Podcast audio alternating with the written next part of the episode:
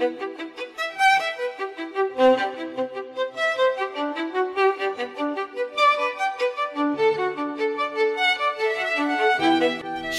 år i Bergen by og eh, elsker denne byen overalt på jord, men det er utrolig mye jeg ikke vet om denne eh, byen. Det er en by, eh, som jeg har forstått, med en fantastisk historie, og rett og slett for å finne ut av eh, Bergens historie, så har jeg hentet inn eh, lokalhistoriker Bjørn Bagge. Og vi har jo alle vært unge en gang i tiden, Bjørn. Hvordan var det å være ungdommer i gamle dager i Bergen? Ja, du vet, de sier jo det at ungdommen er ikke sånn som den en gang var. Det var vel Sokrates som sa det første gang for 2500 år siden. Men eh, ungdommen før i tiden, den var nok eh, ganske så livlig. Hvis du syns at dagens ungdom er uhøflig og vanskelig og tverr, ungdommen før i tiden var nok betydelig verre. Og eldre bergensere forteller både om hissige og ulydige bergensgutter i, i gatene. Eh, hvis jeg kan da gå litt sånn tilbake i historien, så kan jeg fortelle litt om hvem som har fortalt oss litt om bergensungdommen.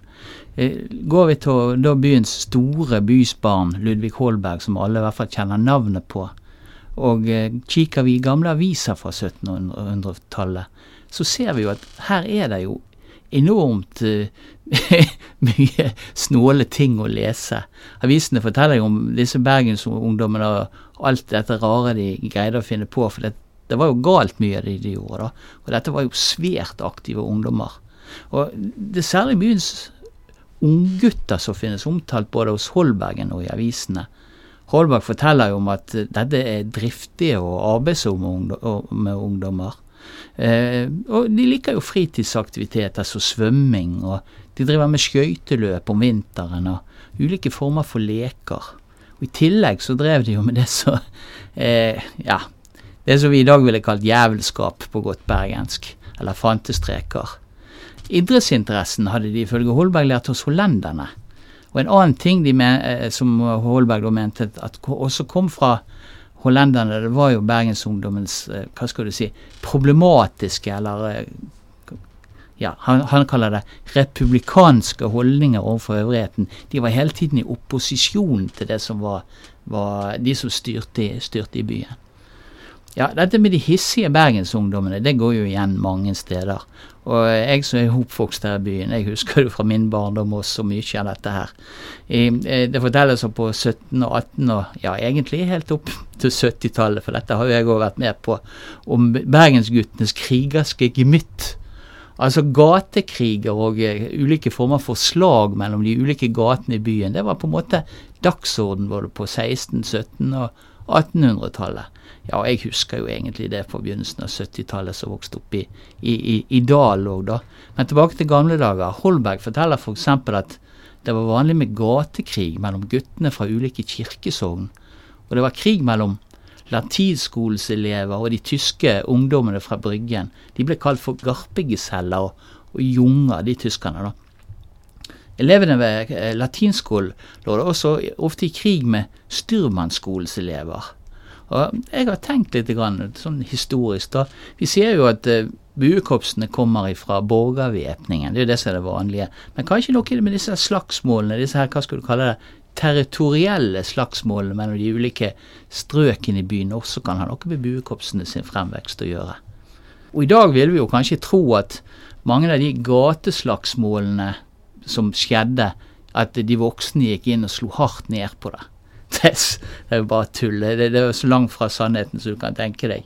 Eh, egentlig så er det sånn at foreldrene de sto ofte på sidelinjen og heiet, og kom da med gode råd eller sånn Gjør noe sånn, da. Altså for, for, for, for, at eh, deres foreldrene sine unger da skulle vinne.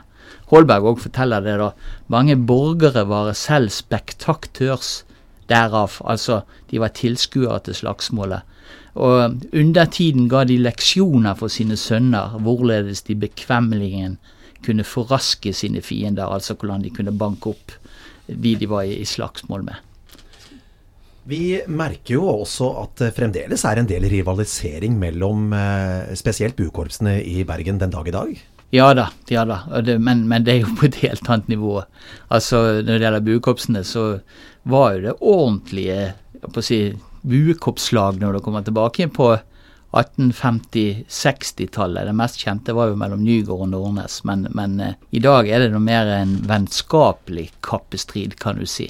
Men det som jeg òg syns er jo litt artig med disse historiene om gamle dager, det er jo sånn at eh, eh, eh vi sa at foreldrene nei, de stoppet ingenting. Men tror dere myndighetene stoppet noen da? nei, det kan du tro om igjen. Det blir f.eks. fortalt at byens politimester en gang ble forstyrret av et gutteslagsmål utenfor stuevinduet sitt. Og Istedenfor å gå ut og få slutt på slagsmålet, så reagerte politimesteren på en helt annen måte enn eh, det vi ville gjort eh, i dag. Han åpnet vinduet og sa, og ga klar beskjed. Er dere snopt gale, eller slåss dere utenfor politimesteren sitt vindu? Bare gå lenger hen med dere, hva? Guttene fulgte jo da bare politimesterens råd og flyttet kampplassen forbi naboens hus, før de da uforstyrret fortsatte med slagsmålet. Selv om myndighetene ikke var spesialt tar mot slagsmål, så kunne de derimot være ekstremt brutale i andre sammenhenger. Det er sånne ting som vi, vi snakker om en helt annen tid når vi snakker om 17, ja egentlig 1800-tallet òg. Tigging f.eks. var jo et kjempeproblem på 1700-tallet. Og Det var jo også noe de lokale myndighetene prøvde å få stoppet gang på gang. Og mange av disse tiggerne, det var jo bygutter som, som var i gatene. Så man prøvde da på forskjellige former for regelverk for å få stoppet dette her. Eh, blant annet i 1755 kom det regler mot tigging, men ingenting av dette hjalp da. Tiggingen var jo ble et stort problem, og tiggingen var jo verst når det var dårlige tider. I begynnelsen av 1770-årene var det ekstremt dårlige tider. Det var uår i jordbruket, og det fungerte ikke i, i handel, som var Bergen sin viktigste eh, næringsvei. Og da sleit de her i byen, da. Han som var stiftamtmann, altså øverste myndighet i Bergen, han er Levensau, da, og han forteller da i et brev i Adresseavisen at mange av byens gutter, da, de går jo da rundt i byen og tigger istedenfor at de er på skolen og nyter gratis undervisning. Så, så, så, så, dette får jo da myndighetene til å reagere. Og Samtidig så beskylder han også foreldrene for å ikke følge opp ungene og hva det, det som heter på fint, å holde dem til Gud, gudsfrykt og andre kristelige plikter. Han slår også fast at guttene som tigget i gaten, da skulle bringes inn til manufakturhuset for ja, pisking. Tigging skulle straffes med pisking, og at foreldrene på sin side skulle straffes med en time i gapestokk. ja, harde tider. Foreldrene slapp eh, derimot straff hvis de kunne bevise at ungene hadde lurt seg ut, eller at det var hungersnød som hadde, hadde tvunget de ut av huset. Ja, forholdet mellom, mellom eh, eh, disse her gateguttene i Bergen og myndighetene, det var egentlig stort sett ganske anstrengt. Og dette er jo også noe som eh, igjen Holberg snakker om. Han forteller jo om bergensguttene at de har totalt mangel for respekt for øvrigheten. Eller myndighetene, som vi sier i dag.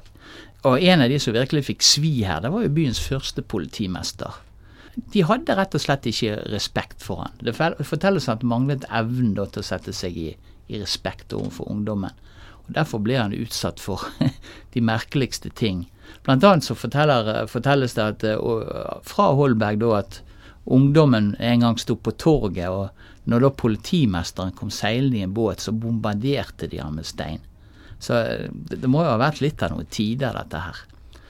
Vel, til tross for at bergensguttene var beryktet for oppførsel i bygatene, da, så var det én ting bergensguttene aldri helt fikk til. Det òg syns jeg er jo litt tidlig. De er jo så fremfor seg på alle områder. Men de fikset ikke dette med jentene. Ja, det er lettere for en bergensungdom å reise til Spania enn det å fri, forteller jo Holberg. Og de unge bergenske herrene eller guttene ja, de ble ofte de fineste. De ble kalt for monsører, og deres mislykkede, amorøse hva skal du si, tilnærmelser tenkte jeg skulle fortelle mer om en annen gang.